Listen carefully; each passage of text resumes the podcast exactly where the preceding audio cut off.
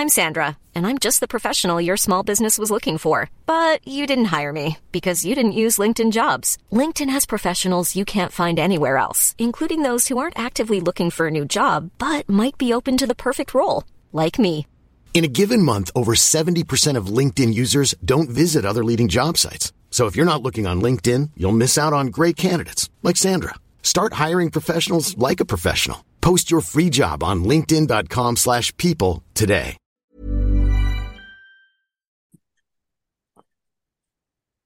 Halo pendengar Ganteng Tahu Manchester United Podcast. Eh, kembali lagi bersama kita berdua ada Alvin dan Sawung di sini. Dan biasanya kalau misalkan openingnya bersemangat gini udah pada tahu lah ya hasilnya seperti apa. Dan saya cuma mau bilang pada teman-teman semua eh, sama Alvin ya terutama rekan saya di sini yaitu ingatlah bahwa nonton MU itu harus sampai selesai, Bro. biasanya soalnya nggak ada nih comeback-comeback kayak gini gitu. Jadi menit 90 kemarin pas gue lihat eh, golnya MU dianulir ya sama VAR, udah gue Ya, matiin tuh kayak ah bangke nih sama aja nih kayak kemarin-kemarin kan. ya, ya. Tiba-tiba jam 11-an gue liat lah anjing menang bangsat. Gila menit 93 dan 97 loh, gila banget kan. Jadi eh, apa ya? Memang kalau misalnya kita mulai dari awal gitu ya, kita eh, apa namanya melihat permainan dari awal, memang United bermain dengan sangat-sangat menyedihkan sih, gue bilang ya, karena eh, bermain di kandang lawan Brentford gitu kan, penampilannya tuh sama kayak United ketika dibantai 4-0 musim lalu, men. Oh iya ya. Iya kan? Dan Ah. ketika eh, kita udah apa namanya bikin berbagai macam chance terus akhirnya tetap nggak bisa terus eh, akhirnya United harus kebobolan gol yang sorry itu sih menurut gue memang gak tolol sih ini kayak bola bola glinding aja dia nggak bisa nge-save loh gimana sih Hah?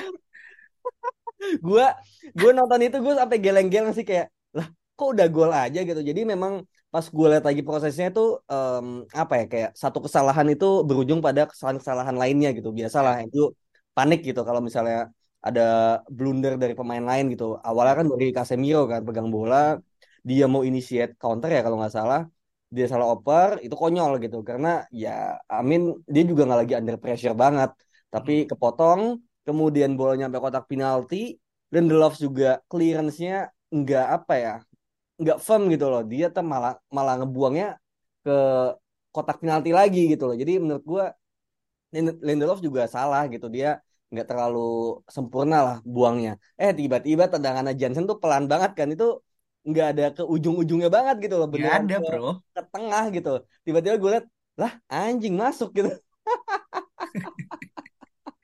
dan ini Gitu. sama Jadi ya pelakunya dengan uh, match uh, di Champions League ya yaitu Onana dan Casemiro lagi kan Iya, ha, ha, ha. dan emang udah bener pada akhirnya Casemiro ditarik sih. Cuma ya Onana ternyata belum berani gitu untuk diturunkan ya. Ya, nah ini yang gue sebenarnya cukup bingung sih karena eh, kita semua mungkin hampir sepakat ya bahwa perubahan starting eleven tuh memang harus segera dilakukan gitu. Eh, mengingat di pertandingan sebelumnya di Champions League eh, orang-orang ini tuh memang tidak bermain dengan level tertingginya gitu kan. Tapi nyatanya ketika gue baca eh, starting eleven yang bermain gitu kemarin, ketika notifikasinya muncul dan gue melihat nama Onana, gue melihat nama Lindelof, eh, gue melihat nama Casemiro, Bruno Rashford tuh kayak "Ah, anjing masa iya sih kayak gini lagi gitu kan. Apakah memang Ten Hag ini menganut filosofi terbentur-terbentur lalu terbentuk, Vin, menurut lo? Mungkin gimana? terbentur terbentur lalu hancur kali ya. gitu. Jadi gua gue sebenarnya masih nggak tahu ya kayak mungkin Ahok merasa bahwa eh, kita tuh kesalahannya tuh gara-gara kesalahan-kesalahan minor dan itu membuat Hmm. Eh, secara mental kita jelek gitu. Jadi ada sebuah kepercayaan bahwa kalau kita bisa nggak blunder dan memanfaatkan kesempatan sekecil mungkin, itu mental kita bisa naik gitu. Masalahnya kan ketika kita kebobolan, somehow kita langsung down banget. Cuma menurut gue ya kemarin itu permainan kita nggak sejelek biasanya gitu. Maksudnya apa ya? Ketika kita udah down 1-0, kita nggak sejelek kayak lawan Palace gitu. Lawan Palace tuh jelek parah kan. Tapi kemarin lawan Brentford gue ngelihat Iya sedikit lebih baik tapi masih jelek sih gitu. Jadi menurut gue meskipun menang tapi masih banyak sekali catatan sih. Hmm, catatannya apa aja tuh kira-kira? Catatannya ya menurut gue ya Hmm, salah satu tadi ya kayak memilih pemain berdasarkan ya performa dan ketika ya. memang em, lagi nggak perform ya menurut gue diturunin tuh bukan berarti dia apa ya dihukum juga ya tapi kayak kasih kesempatan yang lain biar dia juga makin termotivasi gitu. Contohnya kalau di zaman eh, Ferguson ya dulu ketika David De Gea blunder terus ya di musim pertamanya kan lawan Liverpool blunder, lawan siapa blunder berkali-kali kan. Itu diganti sama Lindegaard kan. Itu di lawan City lagi mainnya dan itu kita menang kalau nggak salah lawan City gitu. Jadi gua harap juga Ten Hag juga berani melakukan itu bukan biar Onana jadi down tapi biar Onana jadi naik lagi ngeliat, uh Bayinir jago juga nih gitu. Jadinya dia bakal berusaha jadi lebih baik lagi gitu. Jadi cara motivasi pemain tuh ada macam-macam ya menurut gua sih kalau refleksi dari musim-musim sebelumnya gitu. Ya, ya, tapi memang mungkin cara untuk handle pemain-pemain ini berbeda ya. Eh, ini ini gue lihat dari ini sih dari apa namanya? gue kan lagi nonton eh, dokumentarnya David Beckham ya. Dan Hmm. eh, ketika Beckham di eh, lowest point-nya gitu kan, ketika dia kartu merah lawan siapa namanya eh, Argentina pada World Cup 98 terus akhirnya banyak publik yang nyerang dia gitu kan dan akhirnya formnya drop eh, dia tetap dimainin tuh sama eh, Sir Alex gitu kan. Bahkan kayak bener-bener eh, Sir Alex kasih dia perlindungan lah bahwa kayak ya apa pun yang terjadi lo tetap eh, tim ini gitu kan. Dan akhirnya tim-tim eh, pemain-pemain lainnya juga apa ya sama-sama solid lah untuk melindungi si David Beckham ini gitu. Nah di masa sekarang gitu kan hal ini kayaknya mungkin agak susah ya karena kayak kalau misalnya kita lihat tim United sendiri belum ada nih kayak rasa persatuan itu gitu. Bahkan di United ini tidak ada rasa Unitednya gitu ya. Ini ini yang menurut gue pribadi ya karena kayak eh kalaupun memang ada eh, kesatuan itu kayak mungkin Sancho masalah Sancho juga pasti nggak akan ada gitu kan. Terus mungkin kayak Onana juga pasti eh, apa ya eh, harusnya bisa dihandle dengan lebih baik lah gitu. Entah itu dengan eh defensif eh, lainnya yang mungkin akan jauh lebih kompak atau apa segala macam gitu sih. Cuman eh United saat ini masih masih belum apa ya masih belum menjadi tim lah yang yang sering kita lihat, yang sering kita eh, suka gitu kan. Mungkin dengan berbagai macam eh, kasus yang ada. Jadi kayaknya gue sempat bilang kan di episode lalu kayak hal yang terjadi di match-match sebelumnya itu pasti akan kejadian lagi di uh, match selanjutnya gitu. Dan akhirnya kemarin kejadian dan sebelum uh, McTominay hadir gitu ya itu game udah pasti kalah men. Makanya gue matiin laptop. Ya udah bener bener ya. tapi ya itu tadi gitu. Uh, gol McTominay ini gitu ya dua gol McTominay yang akhirnya menyelamatkan uh, United dan juga Ten Hag. Ini menurut gue pribadi ya ini bisa jadi sebuah spark gitu bahwa kayak oh rasa rasa United United itu mungkin akan muncul gitu setelah ini gitu kan. Karena ketika di musim lalu ketika kita lagi trail dan akhirnya kita comeback terakhir dan habis itu lanjut ke international break from United itu sangat bagus loh men. Sampai akhirnya eh, apa namanya kita bisa went on run yang sangat baik gitu kan terus Rashford ketemu performanya pas segala macam. Jadi menurut gua pertandingan kemarin sangat-sangat eh, luar biasa gitu ya bukan bukan dalam segi permainan ya tapi kayak impact yang akan diberikan itu menurut gua akan luar biasa sih ke depannya Hmm, iya iya. Iya, gue juga sempat mikir gitu ya. Cuma kayak gue sempat berpikir hal yang sama ketika kita menang lawan Burnley kan. Kita menang lawan Burnley, kita menang lawan Palace di Carabao. Gue merasa, wah ini kita udah kembali nih on track gitu. Eh tiba-tiba kalah lagi gitu. Jadi kayak gue nggak tahu gitu. Kayak kita berharap ini menjadi apa ya titik poin, titik balik itu mulai kapan gitu. Karena terlepas dari kita menang-menang dengan cara seperti itu, tapi secara permainan juga masih belum bisa gitu loh, belum bisa apa ya menjadi sebuah hal yang konsisten dilakukan. Kalau misalnya musim lalu kita lawan Liverpool bisa bangkit ya, itu selain daripada mental juga eh, karena sistem juga ada yang diubah kan.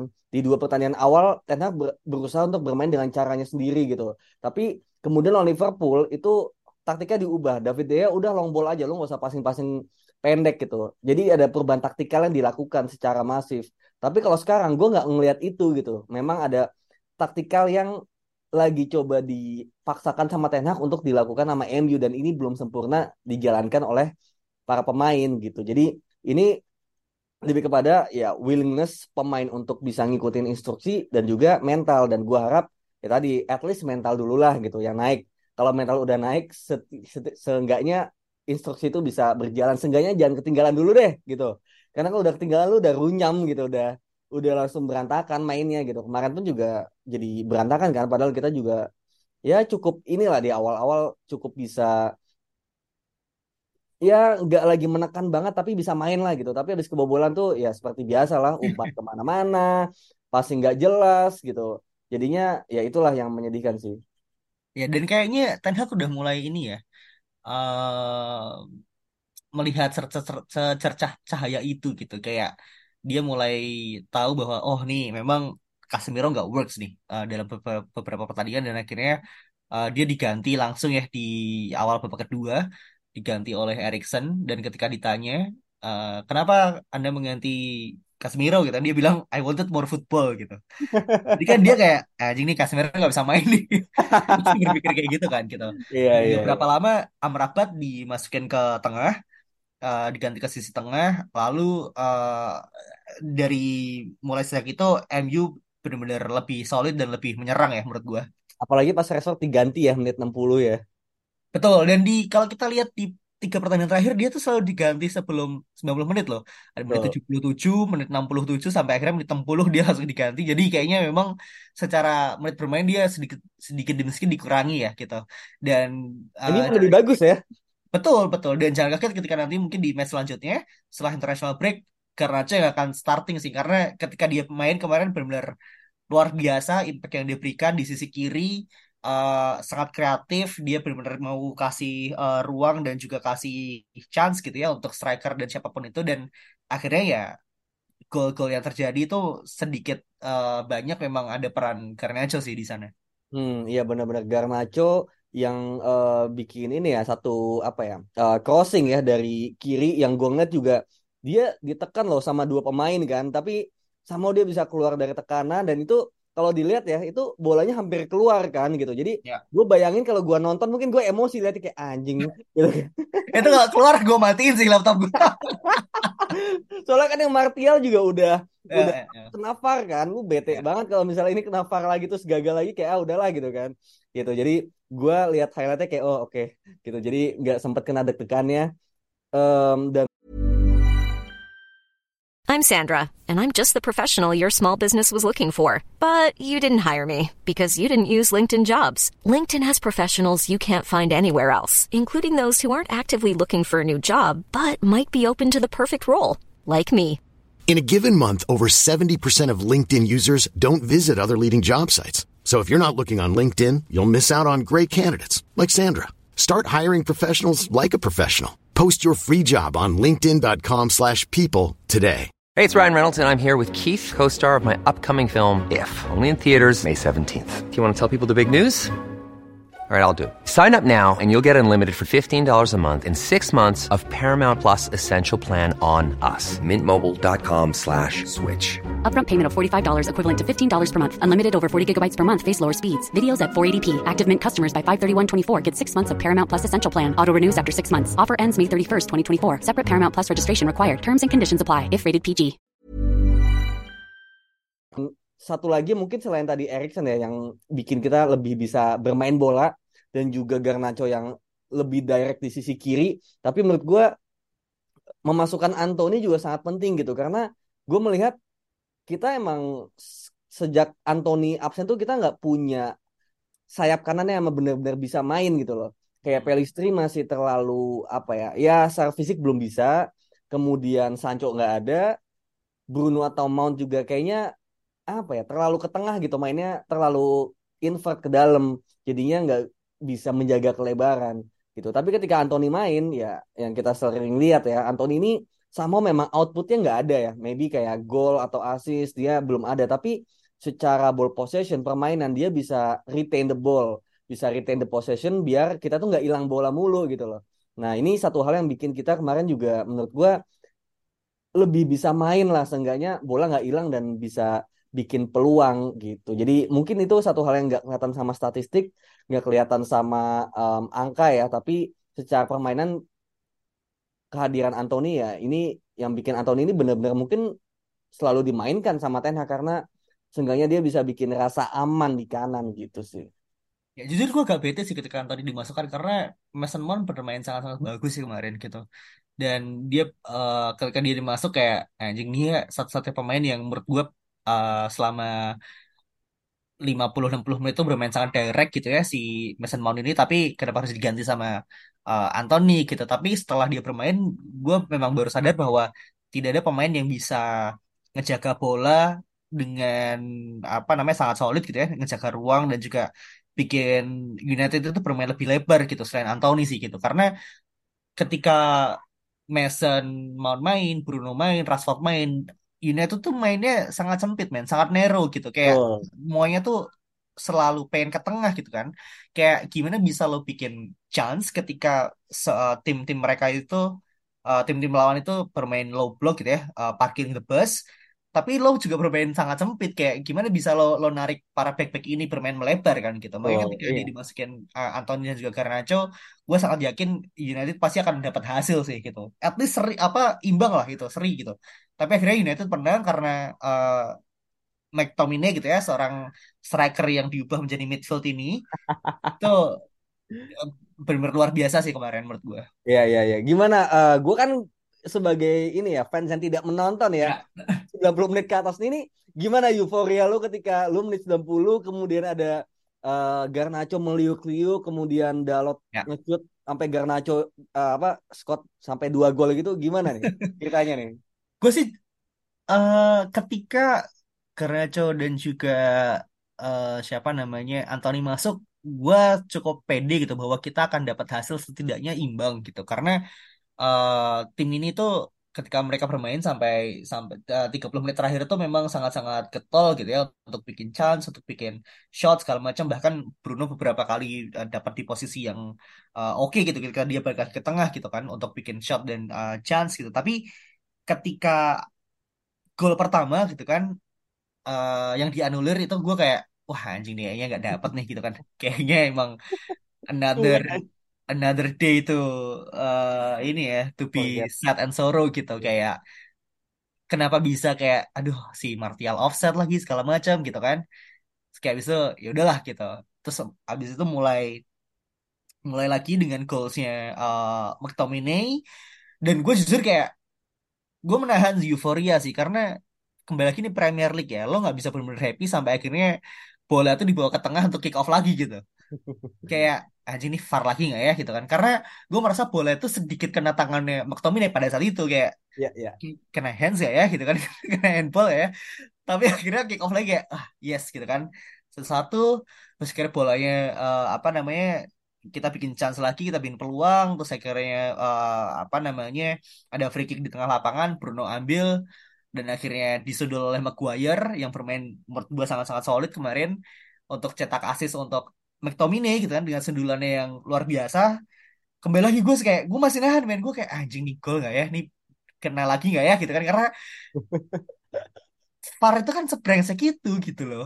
Ya, lo nggak pernah tahu kan. Makanya Iya. ketika kayak akhirnya dikasih eh, apa namanya replay itu dan akhirnya ditunjukkan bahwa McTominay posisinya onside, gue bener-bener kayak wah lega banget sih gue.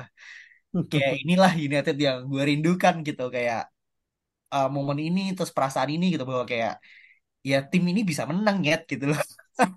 Kenapa butuh waktu lama banget gitu dan gue benar-benar berharap ini bisa jadi apa ya titik balik sih kayak United bisa kembali ke form yang apa ya yang sesuai gitu kan dengan kodratnya dan bisa kembali lagi ke jalur yang positif kayak gitu.